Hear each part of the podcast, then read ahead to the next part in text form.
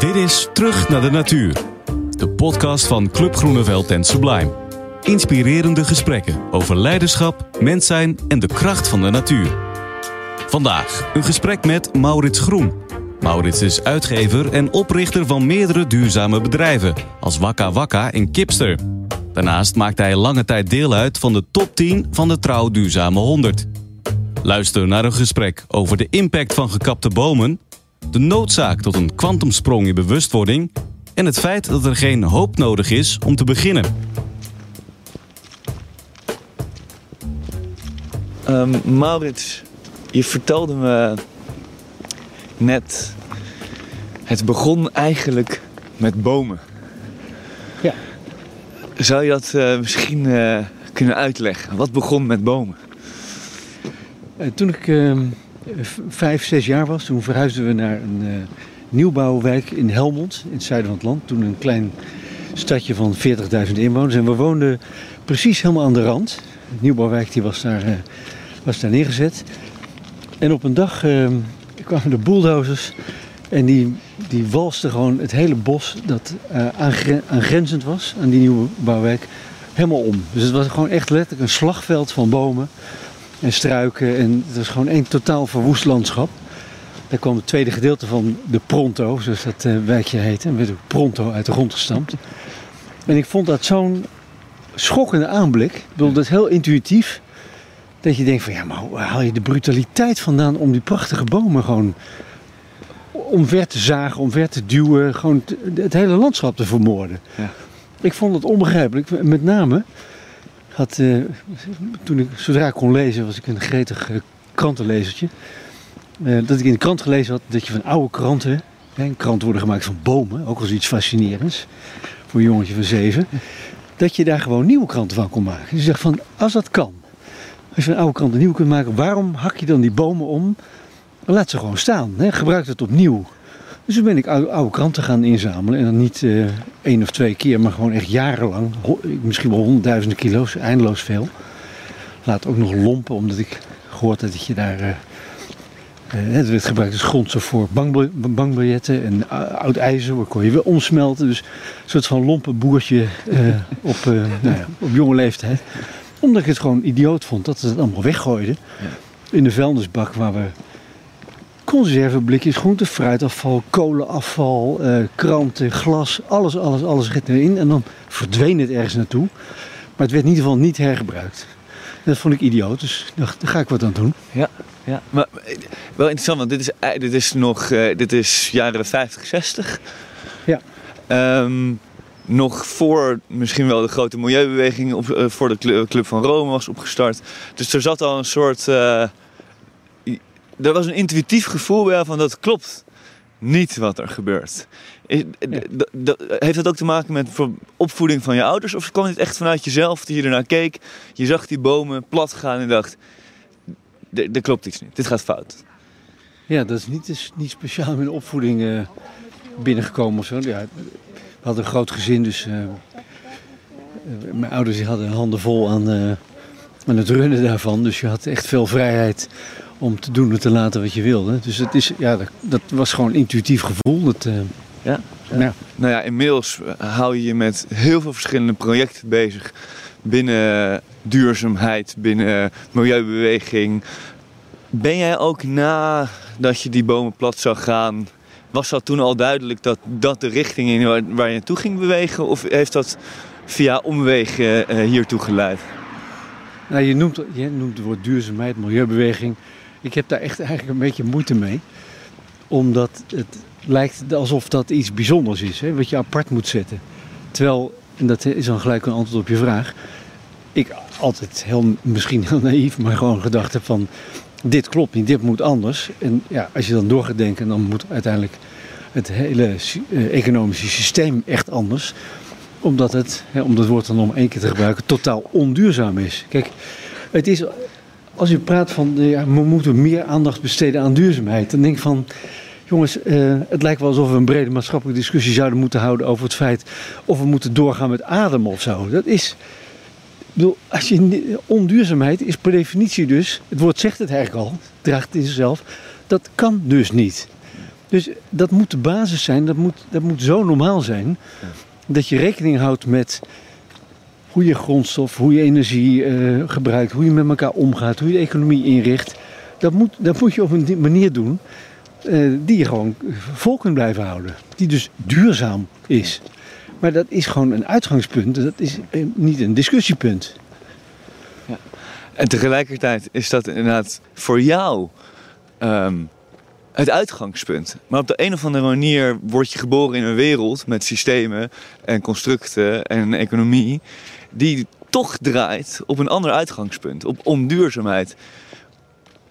Hoe ga je daar dan mee om? Daar moet je dus wat aan veranderen. En denk van wat zijn die, de kernsectoren van de economie? Nou, dat is, eh, dat is eh, eten, landbouw, uh, veeteelt, dat is energie, dat is infrastructuur, dat is bouwen, dat is kleden. Dat zijn al die sectoren waar het dus echt op een andere manier moet. En ja, dan kom ik gelukkig af en toe mensen tegen die echt verstand van zaken hebben in die sector. En dan probeer ik samen met die mensen echt een, het op een andere manier te doen en daardoor te laten zien dat het anders kan. Hè. Je kan wel praten en filosoferen en beleidsnota's maken. Uiteindelijk moet het ergens in gematerialiseerd worden. Dan moet je laten zien dat het gewoon anders kan. En nou, dat heb ik met uh, Wakker Wakker gedaan, met Kipster gedaan. Dus ik ben nu met nog een paar andere bedrijven bezig. Thermicu, Energetica, ja.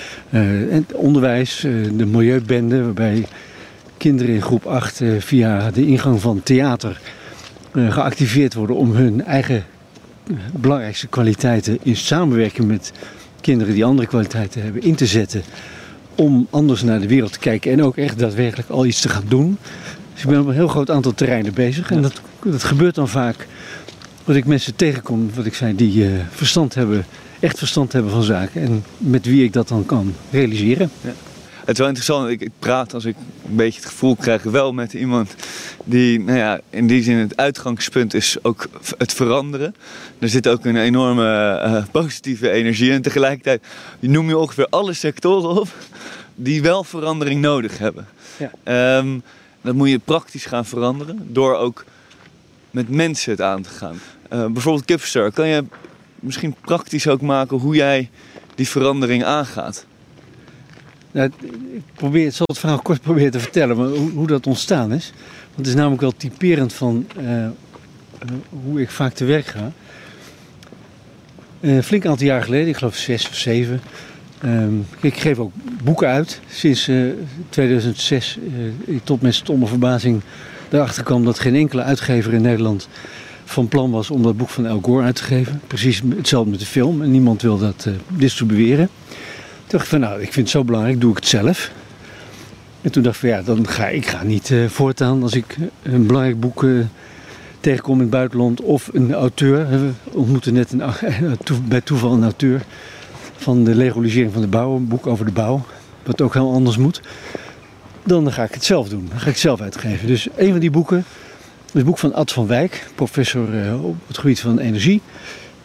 Delft, uh, die had een boekje geschreven, Hoe kook ik een ei? Ik denk van een rare titel. Die man die heeft in 60 pagina's, echt heel knap, een hele begrijpelijke wording voor echt iedereen. Je leest het uit als je van Amsterdam in de trein gaat zitten, heb je in Apeldoorn, heb je het uit. Hoe het wereldenergiesysteem in elkaar zit en waar het knelt.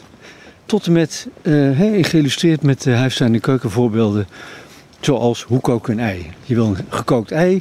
Wat doe je? Je zet een liter water op. Je gebruikt ontzettend veel energie om dat aan de kook te krijgen. Vervolgens gooi je het hete water weg. Heb je een gekookt ei, maar wat een verspilling. Ja. Nou goed, er was iemand die eh, bedacht had dat het leuk was om een soort combinatieaanbieding te maken bij Albert Heijn van rondeeleieren. Wat destijds eh, het meest vooraanstaande ei, om het zo maar even te zeggen, best geproduceerde van Nederland was. Ja. Um, samen een combi-aanbieding met het boekje. Dus theorie en praktijk bij elkaar. Ja. Nou, dat uh, vond Albert Heijn ook een goed idee uiteindelijk, tot onze verbazing. Want die verkopen eigenlijk helemaal geen boekjes. Laat staan in een combinatieverpakking. En dat zou dan met, in mei, of eh, met, met Pasen in, uh, ik geloof 2011 of 12, zouden we dat uh, op de markt brengen. Dus Albert Heijn vond dat een aardig idee. Om die combi-aanbieding te doen. Pasen, ik geloof 2012 of zoiets. En we hadden zelfs wel een productcode. En dat is allemaal, ik dacht, eindelijk een hele grote bestseller.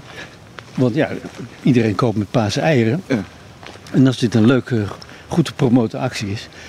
Ik zag eh, al heel veel mensen eh, dat ontzettend leuke boekje lezen. Ja. Hè, dan, eh, bij het eten van die eitjes. Ja. En toen veranderde eh, een maand van half van tevoren de category manager ei, waarvan ik helemaal niet wist dat die bestond. Die veranderde van functie en toen kregen we dus een nieuwe category manager ei. En ja, die vond het helemaal niks. Of in ieder geval, het ging niet door. Dus balen aan zijn stekker. En Ruud Sanders, dat was toen de directeur van eh Rondeel, eh, idem dito. En nou, we raakten aan de praat. En toen bleek hij dat hij ontzettend interessante ideeën had, die zelfs veel verder gingen eh, dan wat hij bij Rondeel, wat een vrij revolutionair concept was.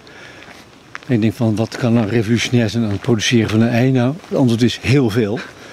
Tot mijn eigen verbazing ook. Ik vond het heel interessant. En eigenlijk dacht ik op een gegeven moment van, dit is echt een ma- manier om een, een soort van eh, inbraak te plegen in het eh dierlijk eiwitsysteem. Wat nu echt niet klopt. Hè, de manier waarop wij vlees produceren. Even heel kort op de bocht. We kappen het Amazonegebied om. Daar verbouw- bouwen we soja tot de grond. Na een paar jaar is uitgeput. Dan hak- hakken we het volgende stuk om. Dat vervoeren in vieze stinkschepen naar Nederland. Dan produceren we eh, in een hele intensieve veehouderij. We produceren dat dierlijk eiwit. Met, eh, met ammoniak, en fijn stof. En, eh, en niet al te gezellige omstandigheden voor die dieren. En nou ja, de uitgelegde kippen die gaan dan eh, naar Polen, worden ze geslacht en dan worden ze gedumpt op de Afrikaanse markt. Het is gewoon on, een onhoudbaar systeem. On, geen, onacceptabel. geen één link eigenlijk in dat systeem die ook maar enigszins bijdraagt. Of iets van... van geen kant. Dus toen hebben we, met name geïnitieerd door zijn ideeën daarover, ben ik daar verder over gaan nadenken. Want ja, wereldvoedselvoorziening, dat is natuurlijk een vraagstuk waar, waar ik me al heel lang mee bezig hou. Ehm, gekeken samen hoe we dat dan anders zouden kunnen opzetten. En dan is de link natuurlijk. Hè, want de, kippensector, eiersector, dat is een hele lage margemarkt. Waar eigenlijk alleen maar eh, boeren gesaneerd worden. Hard of zacht, warm of koud, maar ze verdwijnen. Schaalvergroting, nou, daar wordt het systeem niet beter van. Ehm, de enige manier om dat, om dat te doorbreken is om eh, het op een goede manier te doen. Maar dat kan uitsluitend als je van tevoren een afzetcontract hebt. Want anders krijg je geen geld om echt zo'n nieuwe revolutionaire boerderij te bouwen. En dan, kun je dus niet aan beginnen. Nou, gelukkig kende ik de directeur van, eh, van Lidl. En dat is een man die eh, open staat voor dit soort ideeën. En die hebben uiteindelijk weten te overtuigen dat dit een goed idee was. Nou, vervolgens hè, zijn handtekening onder een contract voor vijf jaar voor een fatsoenlijke prijs. Hè, waar zij wat aan konden verdienen, maar wij ook. Ja, open boekhouding, helemaal geen punt. Want eh, als zij ons helemaal de, zeg maar, het eh, lid op de neus zetten en ons uitknijpen, dan kunnen wij niet duurzaam blijven leveren. Dus dat is ook niet in hun belang. Maar zij moeten er wat aan verdienen, want anders, hebben ze nu, zijn ze natuurlijk niet in staat om die eieren af te nemen. Dus gewoon een faire deal, zoals je dat zou moeten doen. Contract 40 miljoen eieren. Ehm, toen konden we dus geld krijgen. Ja, zijn eigen geld ingestoken, maar ook geld krijgen om, om dat ding investeren om die boerderij te bouwen. Nou ja, Ja. eh, inmiddels zijn we bezig met het voorbereiden van een aantal nieuwe boerderijen. Omdat het zo ontzettend aanslaat dat Lidl zegt van nou, kom maar op met die eieren. Ja. Hand? Hoe kan dat nou? Als je, ehm, als je dit verhaal nou van Kipster, want je hebt natuurlijk, eh, dit is nog een notendop maar natuurlijk, het heeft natuurlijk veel meer haken en ogen gehad en het is een proces van jaren geweest. Maar als je dit nou als ehm, blauwdruk zou zien van hoe je misschien verandering in gang wil brengen, wat zijn dan de scharnierpunten die je hier ehm, aan bent gegaan, die je kan zeggen, oké, dat heb je in elk geval nodig om dat in gang te zetten? Nou, je, moet een, een globaal idee hebben van, de, van de sector waar je een verandering wil bewerkstelligen. Je hebt mensen nodig die die sector goed kennen en die gewoon weten waar ze het over hebben. Eh, goed nadenken over hoe je het hele systeem hè, van wat je wil gaan doen, van A tot en met Z. Van, eh, dus niet alleen de te- technische uitvoering van zo'n boerderij, maar ook tot en met de marketing, zou ik maar zeggen. Dat, de, en de financiering alles ertussenin. Dat je er echt heel goed over nadenkt. Dat je een goed team hebt. uh, alle posities bezet zijn. Kernteam met mensen daarbuiten van deskundigen op elk van die terreinen. Die bovendien goed met elkaar kunnen opschieten, om zo maar even te zeggen. Ja. En dan moet je kijken waar kunnen we uh, naar binnen slippen, zeg maar zeggen, in het economisch systeem. Want als het, uh, uh, het was al gebeurd, als het niet moeilijk was, zal ik maar zeggen. Ja. Dus je moet gewoon goed, goed kijken van waar is er een aanknopingspunt, waar is er een persoon, wat is het goede moment, wat is de goede wijze uh, om, dat, om dat te doen. Ja. En dat heeft dus ook te maken met, je noemde het al, het persoon. Um, er is een systeem wat al staat. En dat systeem heeft er baat bij om te blijven bestaan. En uh, eigenlijk is het bizar, maar de meeste systemen zijn onduurzaam. Ja. Um, je wil zowel op systeemniveau als op bewustzijnsniveau verandering brengen, volgens mij. Ja. Dat betekent dat je met een businessplan moet komen, maar uiteindelijk heb je ook mensen zoals bij de Lidl nodig die zeggen ja, een risico nemen of die ergens voor gaan staan. Is dat ook wat er moet gebeuren? Nou, het systeem is natuurlijk de uitkomst van een, van een interactie tussen ontzettend veel verschillende mensen die zich organiseren in uh, bedrijven of uh, overheden of, nou, hoe dan ook georganiseerd zijn. Dus het, het, begint natuurlijk altijd bij mensen. En die mensen functioneren in een systeem waarbij ze een bepaalde speelruimte hebben uh, die ze wel of niet benutten, die ze wel of niet het lef hebben om op te rekken, om het zo maar even te zeggen. En die die, die mensen die openstaan voor en het lef hebben voor verandering, ja, daar moet je, uh, daar moet je samenwerking mee zien aan te gaan op een zodanige manier dat zij uh, ofwel de, de toestemming krijgen binnen hun bedrijf, hun organisatie, om, om dat pad op te gaan, al dan niet als, als experiment om te beginnen, ja. maar dat ze de ruimte krijgen en dat je hen uh, zeg maar zodanig bedient, hè, de comfort geeft, dat, dat ze zich ook niet in bel hoeven te vallen. Dat ze ook niet een te grote, dat ze niet te ver hun nek uit hoeven te steken, want anders wordt de kans dat ze dat durven natuurlijk niet groter. Het begint altijd bij mensen die lef hebben om iets nieuws te proberen. Even dan ook uit die systeemwereld en even wellicht afdalen in deze leefwereld waar we rondlopen. Dat is mooi hier, hè? Dus we lopen nu in Elswoud, ehm, Haarlem is dat. Tussen Haarlem en de duinen in. Dat is gewoon kunstmatig aangelegd, maar wel heel goed gedaan. Gebruik gemaakt van de oude duinen die hier eh, in de loop van de eeuwen zijn opgestoven. Uh, gedeeltelijk is het ook eh, aangebracht. Er was hier zandwinning, de uitbreiding van de stad Amsterdam. voor het fundament, want er is veel, veel veen daar had je veel zand eh, voor nodig. Nou, in de duinen heb je veel zand. Dus het werd afgegraven, werd verkocht. En daarmee werd er een ja, mooi natuurpark aangelegd rondom een heel groot monumentaal gebouw wat hier in het midden staat. Prachtig landgoed, Elswoud. Het is echt waanzinnig. We staan hier tussen best grote, nou ja, hoge bomen. Verschillende. Je, van alles. je, ja, hebt, van je hebt loofbomen, je hebt naaldbomen. Eh, taxussen, eh, eikenbomen, linden, beuken. Nou, er staat hier van alles. En dan ook nog op het mooiste moment van het jaar. Ja, We mogen niet ja de kleuren zijn schitterend. Ik bedoel, er ligt al blad op, het, op de grond, maar alle kleuren van, de, van, van een blad wat je kunt bedenken. Goud, groen, geel. Uh, alle, alle schakeringen hangen aan de bomen. We gaan nu bijna over een clichématig uh, mooi uh, bruggetje over een watertje heen. Um, is dit een plek waar je ook vaker komt? Je houdt je bezig natuurlijk met natuur. Heeft het ook een bepaalde plek in jou van belang? Nou, ik, um, toen mijn jongste dochter één jaar was, zijn we hier naartoe verhuisd naar die, vanuit Amsterdam naar Haarlem. We woonden hier behoorlijk vlakbij, nog een kilometer vandaan. Dus ik heb hier heel veel gewandeld. Eerst met de wandelwagen en later met, uh, met mijn oudste dochter en daarna mijn jongste dochter ook. En ook daarna weer. Ik woon hier al bijna een kwart eeuw. Dus ik heb hier heel wat voetstappen liggen. En ik vind het nog steeds even prachtig. En breder dan Elswoud? Um, zijn bomen nog wel belang? Of is het een strand? Of is het een zee? Of is het een, de lucht? Of, uh, wat voor een rol speelt natuur in je leven? Ik, ik, ik zit heel achter mijn uh, computer en mijn bureau, moet ik eerlijk zeggen. Misschien wel te veel. Ja. Um, maar ja, natuur, kijk, dit is natuurlijk ook, wat ik zei al, voor, voor een deel aangelegde natuur, maar zelfs dan ook nog. Uh, dat is natuurlijk een soort van ontzagwekkende um, uh, omgeving hè, die, waar, we, waar wij binnen mogen uh, rondlopen, acteren.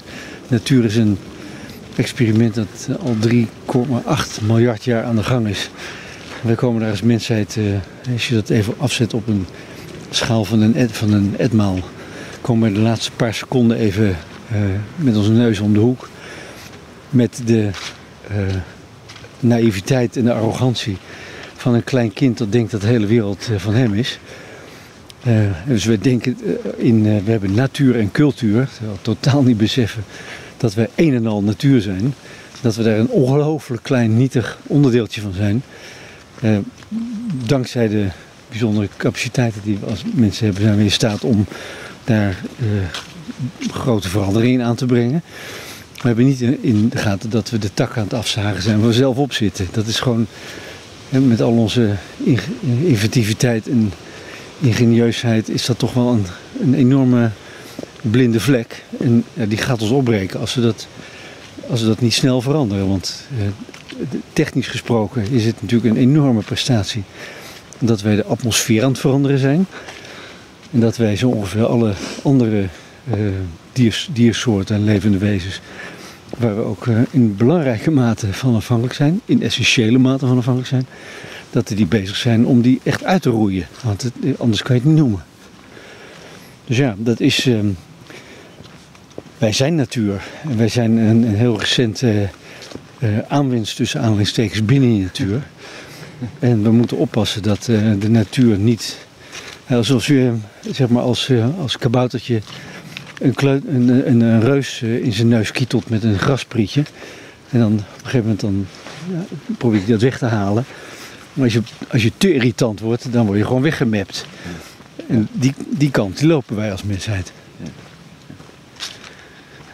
En hoe krijgen wij het voor elkaar? Of hoe gaat het lukken om zoveel mogelijk mensen ervan bewust te worden dat we op die tak staan. Of dat we dat kaboutertje zijn die op die reus staat.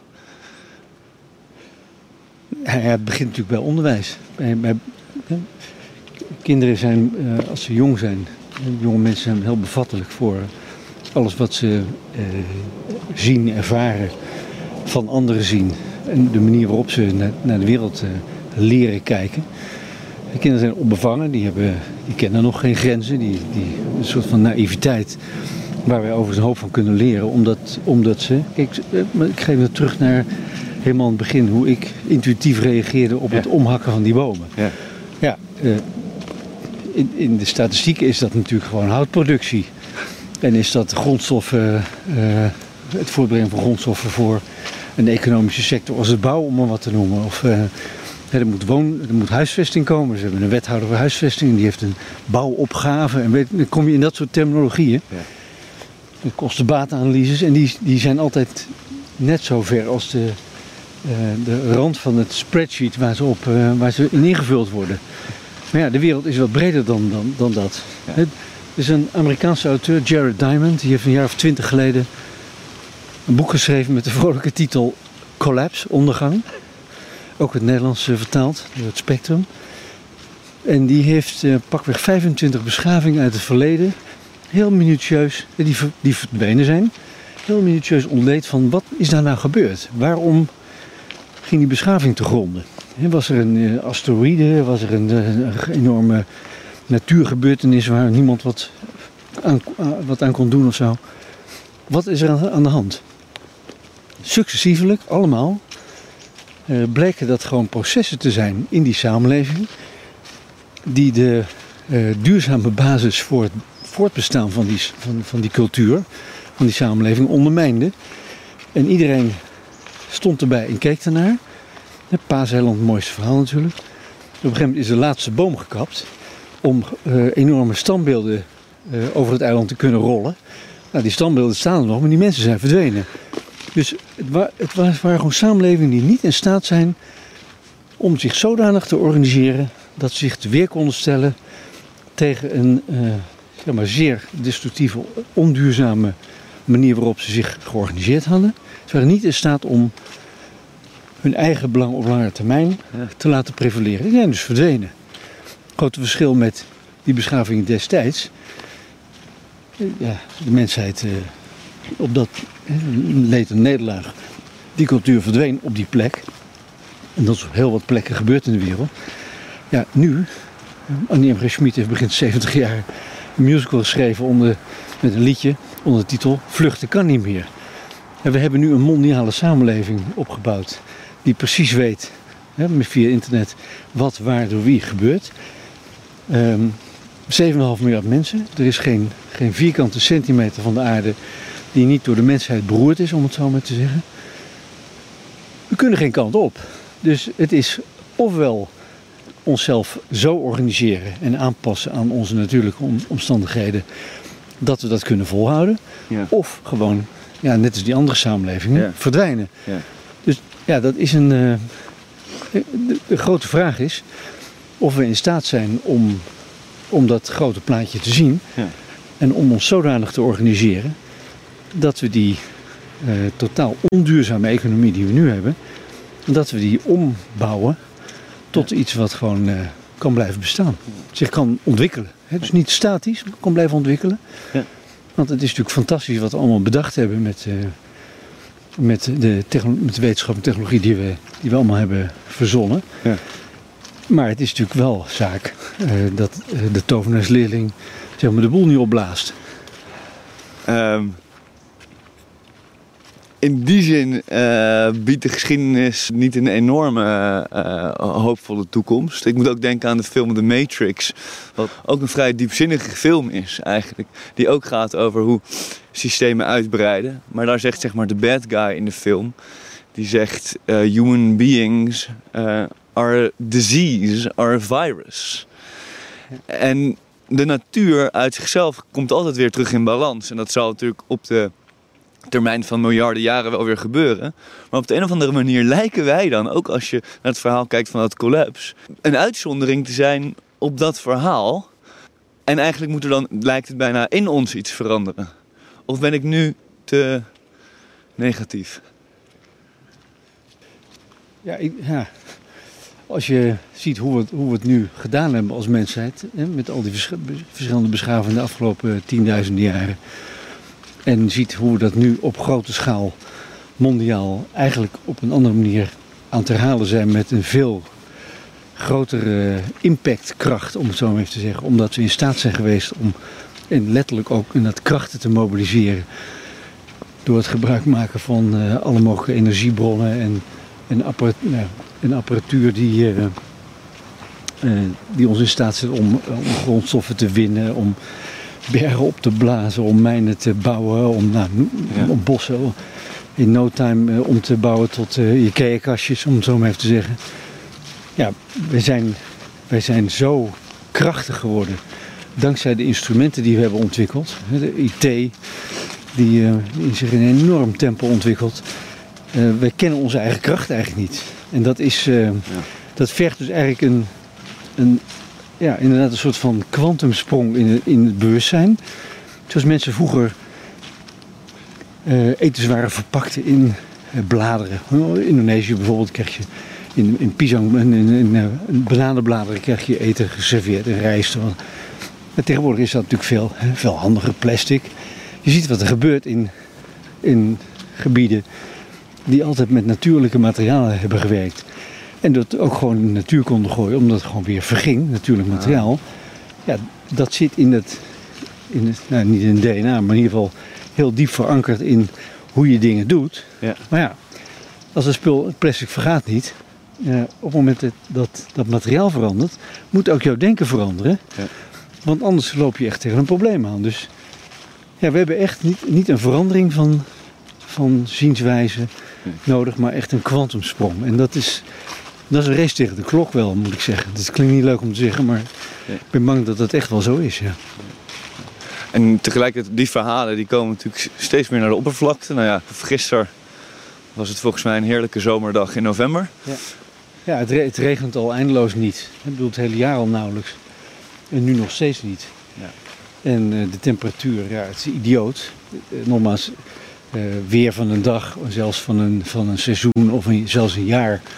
kan je natuurlijk niet eh, representatief houden voor klimaat. Want dat zijn van die lange tijdsreeksen. Ja. Maar eigenlijk is het des te verontrustender dat wij in de loop van, van nou, nog een half mensenleven. En wat is dat? Het is op de geologische tijdschalen waarom, waarop klimaatveranderingen normaal gesproken altijd al zich eh, voltrekken. Is dat werkelijk in een, in een, in een bliksemflits. En de snelheid waarmee dat gaat, die is echt, als je even uitzoomt, die is echt angstwekkend. Ik Ja. bedoel, het CO2-gehalte, de snelheid waarmee dat stijgt. En als je ziet waarmee dat in het verleden correspondeerde wat betreft eh, klimaat en, en, en, en zee, het niveau van de zee en allemaal dat soort zaken. En er zit natuurlijk een enorm eh, vertragingseffect of naeleffect in. In een vrachtwagen. Als je, het kost ontzettend veel moeite om die, die eerste 10 centimeter vooruit te krijgen. Maar daarna kun je bijna met een pink. Ik bedoel, als je eenmaal een, een vrachtwagen over de helling Ja. hebt heen geduwd. Ja. Ja, dan, dat duurt heel, dan staat hij even bijna stil, maar dan dendert hij naar beneden. En Ja. dan neemt de snelheid alleen maar toe. En dat valt dan ook niet meer tegen te houden. Dus we zijn bezig om krachten te, eh, los, te, los te maken, wakker te maken. Die gewoon echt eh, niet, meer, eh, niet meer, en zeker niet op de, op de tijdschaal waarop wij als mensen denken, zelfs als culturen denken, eh, die zo, niet, niet meer zomaar kunnen terugdraaien. En om dan de vergelijking te trekken met... ehm, daar komt een tipping point aan. En tegelijkertijd komt er misschien ook wel... alles onder druk wordt vloeibaar. De nieuwe generaties groeien misschien wel op met een nieuw bewustzijn. Ehm, heb je geloof dat die kwantumsprong aan het ontstaan is? In bewustzijn bedoel ik dan? Er is zeker echt een ho- hoop eh, aan de gang. Dat is, dat is absoluut waar. En ook de snelheid waarmee dat gaat de afgelopen paar jaar. eh, die vind ik echt eh, verbazingwekkend en ook hoopgevend. Maar dat gezegd hebbend. ehm, de ontwikkelingen die we in gang gezet hebben, die, die gaan ook heel erg snel. En die hebben op een gegeven moment eh, een soort van ehm, niet meer te stuiten eh, eh, tegen te houden kracht. Waardoor je denkt van ja, is, wij spreken, je zit achter het stuur van een auto en je zit met iemand, te pra- de- met iemand te praten die naast je zit. Dus je let even niet op. Je hebt niet in de gaten dat je op een, op een muur afdendert. Hè, met, Ja. eh, weet ik, pak wel 100 km per uur. Dan is de, de kwantumsprong in het bewustzijn dat er echt iets ernst- ernstigs fout eh, eh, gaat, eh, gaat gebeuren binnen eh, een halve seconde, die kan dan, eh, die kan ontstaan. Maar je zit die auto niet eh, binnen een halve seconde stil. Weet je, dus, en hoe hard die klap wordt, sterker nog, ik denk eerlijk gezegd dat die op alle mogelijke punten al, al bezig is om te gebeuren. Het lastige van problemen die aan het veroorzaken zijn, is dat, er, dat de natuur echt zo brutaal is om er niet een bordje bij te zetten. Dit is het gevolg van. Of dat komt door zus en zo. En dat wij gewoon de interpretatie van wat wij zien. En nogmaals, wij kunnen gewoon maar als mensen een paar decennia overzien.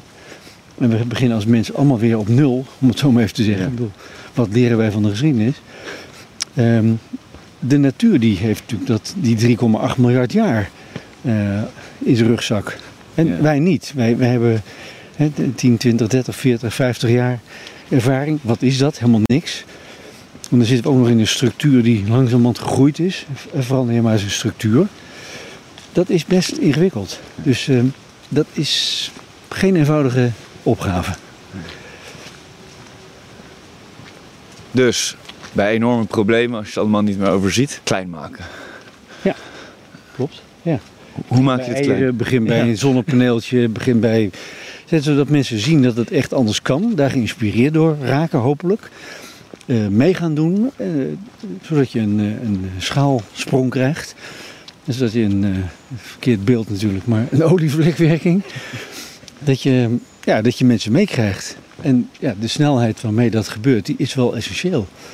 Het is niet... er wordt vaak in de politiek ge- gediscussieerd over natuurwetten, om het maar zo even te zeggen. Alsof het wetten zijn die wij kunnen uh, aannemen of uh, nog even langs de Raad van State moeten sturen. Of, ja, als, je, als je zo omgaat, neem een eenvoudig voorbeeld met de wet van de zwaartekracht. Je staat op een flat en je springt naar beneden en tot, bij, tot de tweede verdieping is het gewoon lekker fris en heb je een mooi uitzicht. En denk van, nou, ik, ik ben het er toch niet zo mee eens met die zwaartekracht. Ja, prettige wedstrijd.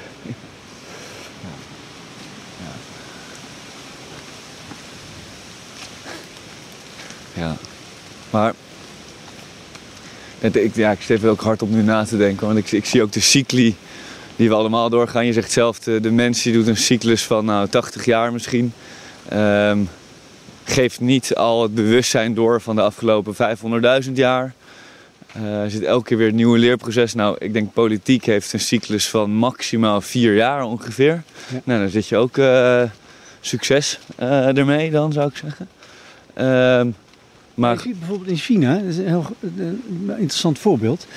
Daar heb je een, de, de partij daar, die organiseert dat land op een manier waarbij ze wel op lange termijn, decennia denken, op lange termijn. En ook behoorlijk ondemocratisch is in onze ja. uh, opvatting althans. Hè? Er zijn verkiezingen en dit en dat, maar wij vinden dat ja, die verkiezingen zijn van voorgekookt. En uh, van tevoren is duidelijk uh, wat er gestemd gaat worden en zo. Maar het is de uitkomst van een proces daar in dat land. Waarbij ze in staat zijn, het is nog steeds ontzettend veel vervuiling, luchtvervuiling, kolencentrales, weet ik het allemaal. Maar er is daar een punt op de horizon gezet. En er wordt op een ongelooflijk krachtige manier wordt er in een bepaalde richting gewerkt. In, in een aantal opzichten heel duurzaam, sommige ook helemaal niet overigens.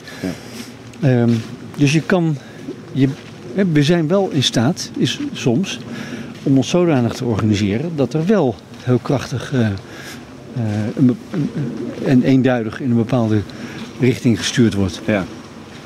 Maar dat is een manier van top-down besturen die... Weet je, kijk, top-down, uh, hoe ontstaat dat top-down? Is dat gewoon een bruut die uh, iedereen uh, afslag neermaait, uit de weg ruimt en vervolgens het allemaal voor het zeggen heeft?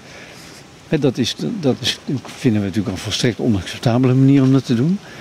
Maar als een, als een samenleving in staat is om een, krachtige, een krachtig bestuur te organiseren, dat oog heeft voor de belangen op lange termijn. We hebben China, we hebben veel kritiek op de mensenrechten situatie daar. En ik denk dat dat heel terecht is. Tegelijkertijd kun je je afvragen, uh, hoe hypocriet is het, uh, zoals wij daar commentaar op leveren. Want onze politici, die leveren gewoon onze kinderen en onze kleinkinderen uit een compleet on, onhoudbare situatie. Ik bedoel, als we niet echt drastisch ja. anders gaan uh, ons gaan organiseren, die economie anders gaan doen, dan wordt het echt ongelooflijk ongezellig. En dat is dan een soort van uh, je handen in onschuld wassen, want dat zie je dan niet. Of, uh... Want het is een democratisch proces. Ja.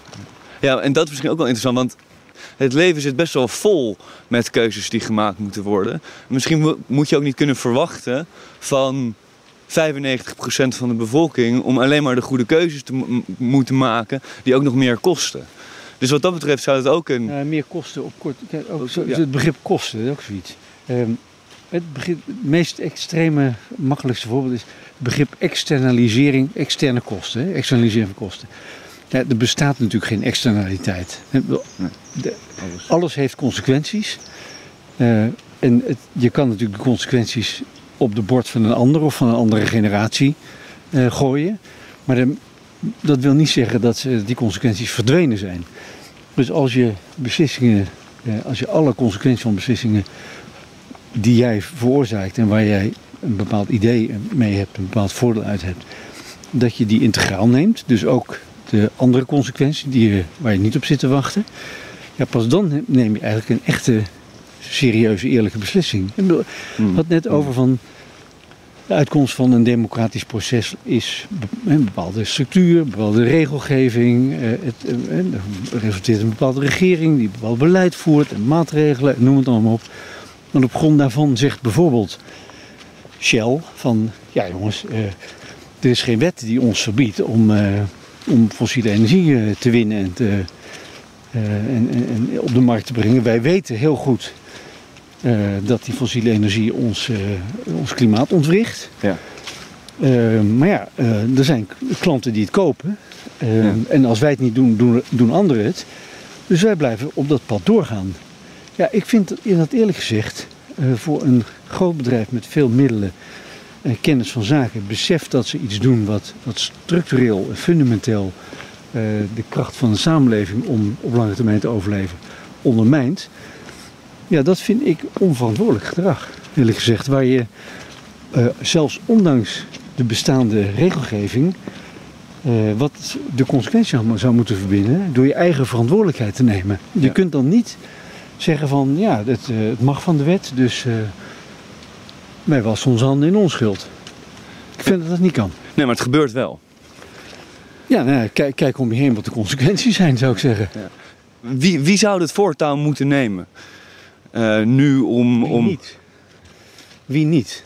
Iedereen is eh, in de positie om daar iets aan te veranderen. Hè? Als, als burger, als individu, als werknemer, als consument, als kiezer. Iedereen heeft een bepaalde mogelijkheid. En voor de een zijn die veel groter en uitgebreider dan die van de ander. Er is natuurlijk geen enkel argument om niet alle mogelijkheden die er ten niezen zijn, zelfs als die klein zijn, om die te nemen. Hè, dat van, ja, wat maakt mijn ene vliegreisje of wat maakt het nou uit dat ik met de auto naar, of nou, noem het allemaal op, hè, cliché voorbeelden, maar al jouw gedrag, ieder, ieder individu neemt elke dag pakweg honderd beslissingen die uitmaken op dit hele veld. 100. En, neem de politiek. Hoe organiseren we onze samenleving met een politieke democratie? Wij kiezen mensen in het parlement, die hebben regering, beleid. Dat zijn geen, vol, geen, geen leiders, maar het zijn volgers.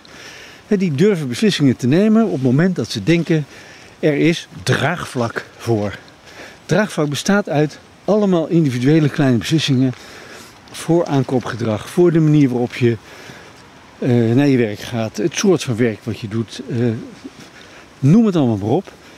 Politici die hebben daar een, dat is hun vak, die hebben daar een voelspriet voor. Die, die, die voelen de temperatuur van de samenleving. Die denken, val ik een buil, loop ik een zeepert, eh, word ik eruit gegooid op het moment dat ik deze beslissing neem. Er zijn maar weinig politici die echt de, het intellect, de, het lef, de visie hebben om op lange termijn eh, te durven denken en dat ook te durven verkondigen. En die de overtuigingskracht hebben om daar mensen in mee te krijgen. En die zijn zeldzaam. Dus je moet er gewoon voor zorgen dat je als burger die politici de juiste signalen geeft. En dan durven ze de goede beslissingen Ja. te nemen. Het zijn eigenlijk mensen die eh, hun eigen belang overstijgen. Maar politici die hun eigen belang overstijgen zijn natuurlijk zeldzaam. Want eh, ze roeien zichzelf uit als ze dingen gaan roepen waar niet op wordt gestemd. Dus die hebben elkaar in een houtgreep. Maar tegelijkertijd is dat dus de positieve kant misschien die je zegt... wij hebben in zekere zin bepalen wij het beleid. Ehm, als wij op een bepaalde manier gaan handelen, als wij dingen essentieel gaan vinden. Het zou echt vanuit ieder individu moeten komen. Klopt. En dat betekent dus weer helemaal terug eh, opvoeding, onderwijs, essentieel. En ja, eh, ook daar moet dus een begin van verandering zijn. En anders, eh, anders gebeurt het gewoon niet. Haal je nog lol uit je eh, dagelijks eh, bezigheden? Ben je, heel erg zelf vertelt, nou ja, dan kan je ook denken, poepoe. Ja, je zegt lol, en nog lol. Ja. Ehm, het is net als met, het- zoals het begon met die, met die krant. Hè? Je vindt dat het moet gebeuren. Want Het is raar dat het, eh, dat het anders gaat. Nou, dan ga je dat doen. En eh, of je dan met de wereld gaat redden, dat is maar, de, zeer de- dat is maar zeer de vraag. Maar ehm, als je het niet probeert, dan gaat het zeker niet gebeuren. Ja. En wat ik al zei, ieder individu heeft op, eh, op alle mogelijke plekken in al zijn rollen en hoedanigheden een bepaalde invloed. Dus ja, dan vind ik dat je die ook, eh? Ja. dat je die ook moet, eh, moet nemen. Wat zie jij eh, als je grootste succes? Of van welk succes heb jij onderdeel uitgemaakt waar je misschien het meest trots op bent? Of wat werkte? Ja. Ja, kijk, we hadden het net al even over. In 2006 eh, kwam Gore dus met dat boek, El Gore, An Inconvenient Truth, hè, ongemakkelijke waarheid. En niemand, niemand wil dat boek en die film in Nederland distribueren. Nogmaals, achteraf gezien idioot, maar dat was zo. Nou, toen heb ik, de, eh, ja, toen heb ik gedacht, nou dan ga ik het doen. Maar dat heeft tot mijn stomme eh, verrassing, en verbazing en aangename verrassing, moet ik zeggen, eh, ineens geleid tot het feit dat dat onderwerp klimaatontwrichting, mensen noemen het vaak klimaatverandering, vind ik veel te neutraal en te gezellig. Dus klimaatontwrichting, dat in één klap op de kaart stond. Ja. Dat heeft ontzettend veel eh teweeg gebracht. Ik bedoel, ik heb dat dan gedaan, maar de tijd was er dus kennelijk rijp voor. Maar ja, soms heb je mensen nodig die dan eh, iets doen, waardoor dat ook daadwerkelijk eh, getriggerd wordt, om het zo maar even te zeggen. Zoals Marcel Oosterwijk van Lidl, directeur van Lidl, op een gegeven moment zijn handtekening gezet heeft onder de afname van 40 miljoen eieren voor een boerderij die er nog helemaal niet was. De grond was er niet, de vergunningen waren er niet, de boerderij was er niet, de kippen waren er niet, de eieren waren er niet. Hij kocht 40 miljoen eieren voor een goede prijs voor vijf jaar. Dat is iemand die lef heeft, die zegt van verdomme, het moet die kant uit. Ik ga dat gewoon proberen. En, en eigenlijk, dus eigenlijk benoem je, eh, dat is in zekere zin een succes, want dat zijn mensen die, waar jij mee in contact komt en waardoor een combinatie van denken er een, een keuze wordt gemaakt misschien wel. Ja, gewoon, dan, dan verandert er in de, in de praktijk iets waardoor anderen eh, denken van hé, hey, zo kan dus kennelijk ook. eh, die daarbij aansluiten, op aanhaken of voortborduren, noem het maar op. En er, is een, er is iets wat mensen kunnen doen en wat ze zelfs soms kan inspireren om daar zelf ook eh, door in actie te komen. Nou, dat, dan, dan begint er wat te veranderen. Ja, nou ja, en, en, en als er nou nog een paar projecten zijn die weer een verandering in gang zetten. En dit is misschien wel in de, eh, nou ja, dan uiteindelijk gaat het over eieren, maar het gaat natuurlijk over meer. Ja, eieren, Dus- gewoon, iedereen eet, eet eieren, dus het is een heel laagdrempelige manier om zeg maar, binnen, binnen te komen, om het maar eens even te zeggen. Het gaat natuurlijk over eh dierlijk eiwitsector, het gaat over de manier waarop we überhaupt onze hele wereldvoedselvoorziening ge- eh, ge- opgebouwd hebben. En dit is een manier om een ingang te creëren, om het A uit te breiden, maar B, dus in die categorie zelf, eieren, kippen, eh, et cetera. Maar überhaupt in de, de manier waarop we eh, landbouw- en veeteelt bedrijven. Dat is, het gaat echt om een fundamenteel Ja. andere manier van kijken daarnaar. En vervolgens die economie zo inrichten dat datgene wat op de lange termijn ook houdbaar blijft, dat dat de basis is van hoe we het gaan doen. Ja. En als je nou nog één project of twee projecten mag kiezen, of misschien wel een sector mag kiezen van je zegt, nou daar zou ik nou nog die volgende verandering in gang willen zetten. Heb je dan dat meteen ja, helder? ik, ja, ik ben er al mee bezig met eh, wat ik net al noemde. eh, de Stichting Milieubende. Die eh, kinderen van, van 12, de basisschool, op een andere manier laat kijken naar hun eigen wereld. En die ze uitnodigt om hun eigen ca- capaciteiten, specifieke capaciteiten te ontdekken. Te leren ontdekken dat je moet samenwerken met mensen die andere capaciteiten hebben. Dat dat de kracht is van eh, daadwerkelijk iets voor elkaar kunnen krijgen. En met een andere bril, hè, ik zeg nou één keer dan nog de duurzaamheidsbril, eh, naar de wereld kijken en denken van wat, wat kunnen wij hier veranderen? En Ja. dat ook Ja. met elkaar gaan bedenken en gaan uitvoeren. Ja. Zodat ze niet alleen een andere manier van denken ontwikkelen, maar ook het, eh, het besef ontwikkelen dat ze ook door in actie te komen daadwerkelijk iets kunnen veranderen. Ja. Maar zonder onderwijs, zonder goede opvoeding, ja, eh, dan gaat het niet gebeuren. Want eh, Einstein heeft wel eens een keer gezegd, als je met dezelfde manier van denken, met dezelfde blik, de- dezelfde probleem probeert op te lossen, ja, dan gaat het gewoon niet gebeuren. Dus eigenlijk is het aanzetten van iedereen in het hier en nu. Maar is het de volgende generatie en de generatie daarop die ten eerste met de problemen zit van de afgelopen 150 jaar, maar ten tweede ook nog de verantwoordelijkheid heeft, maar dus ook de hoop eh, op is gevestigd om, eh, om het nou ja, duurzame denken, of misschien is het wel het natuurlijke denken, in praktijk te brengen. Nou, in, de tussentijd moeten wij als volwassenen, we kunnen niet wachten tot de huidige eh, generatie in de basisschool zit, het roer overneemt, want tegen die tijd is het gewoon te laat wat het klimaat betreft. We hebben gewoon pakweg 12 jaar de tijd en dan moet het echt helemaal anders. Dat is echt een wa- waanzinnig korte tijd. Als je rekent hoe maatschappelijke en, politieke processen gaan, laat staan economische. Maar goed, dus we moeten in de tussentijd al alle mogelijke dingen uit de kast halen. Op voedinggebied, op woninggebied, op kledinggebied, op transportgebied, op nou, energiegebied, noem het allemaal op.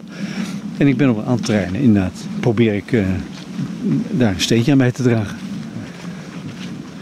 Dankjewel Maurits. Um, er is volgens mij nog oneindig veel te praten over uh, hoe we deze enorme problematiek moeten oplossen. Maar als laatste vraag dan, terwijl we langzaam uit het prachtige park weglopen.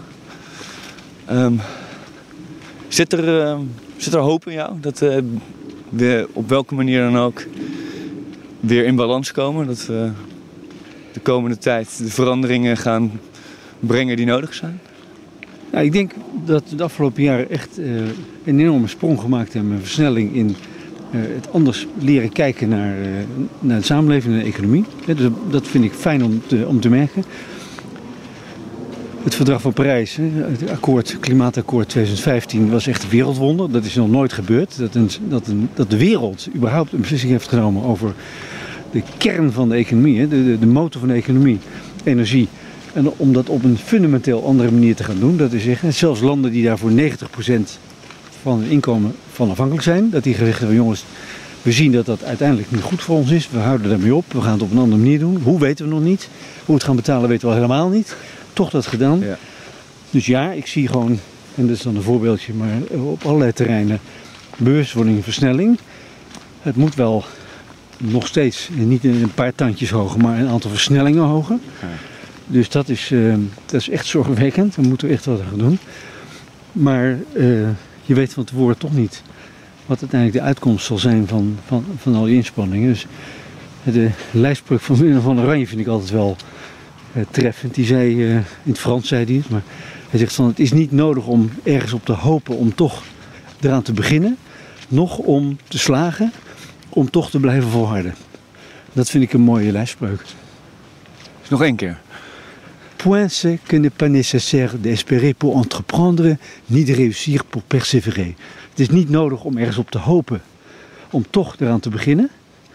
En het is ook niet nodig om te slagen, om daar toch in te blijven volharden, om dat streven te blijven vasthouden. Dankjewel. Graag gedaan.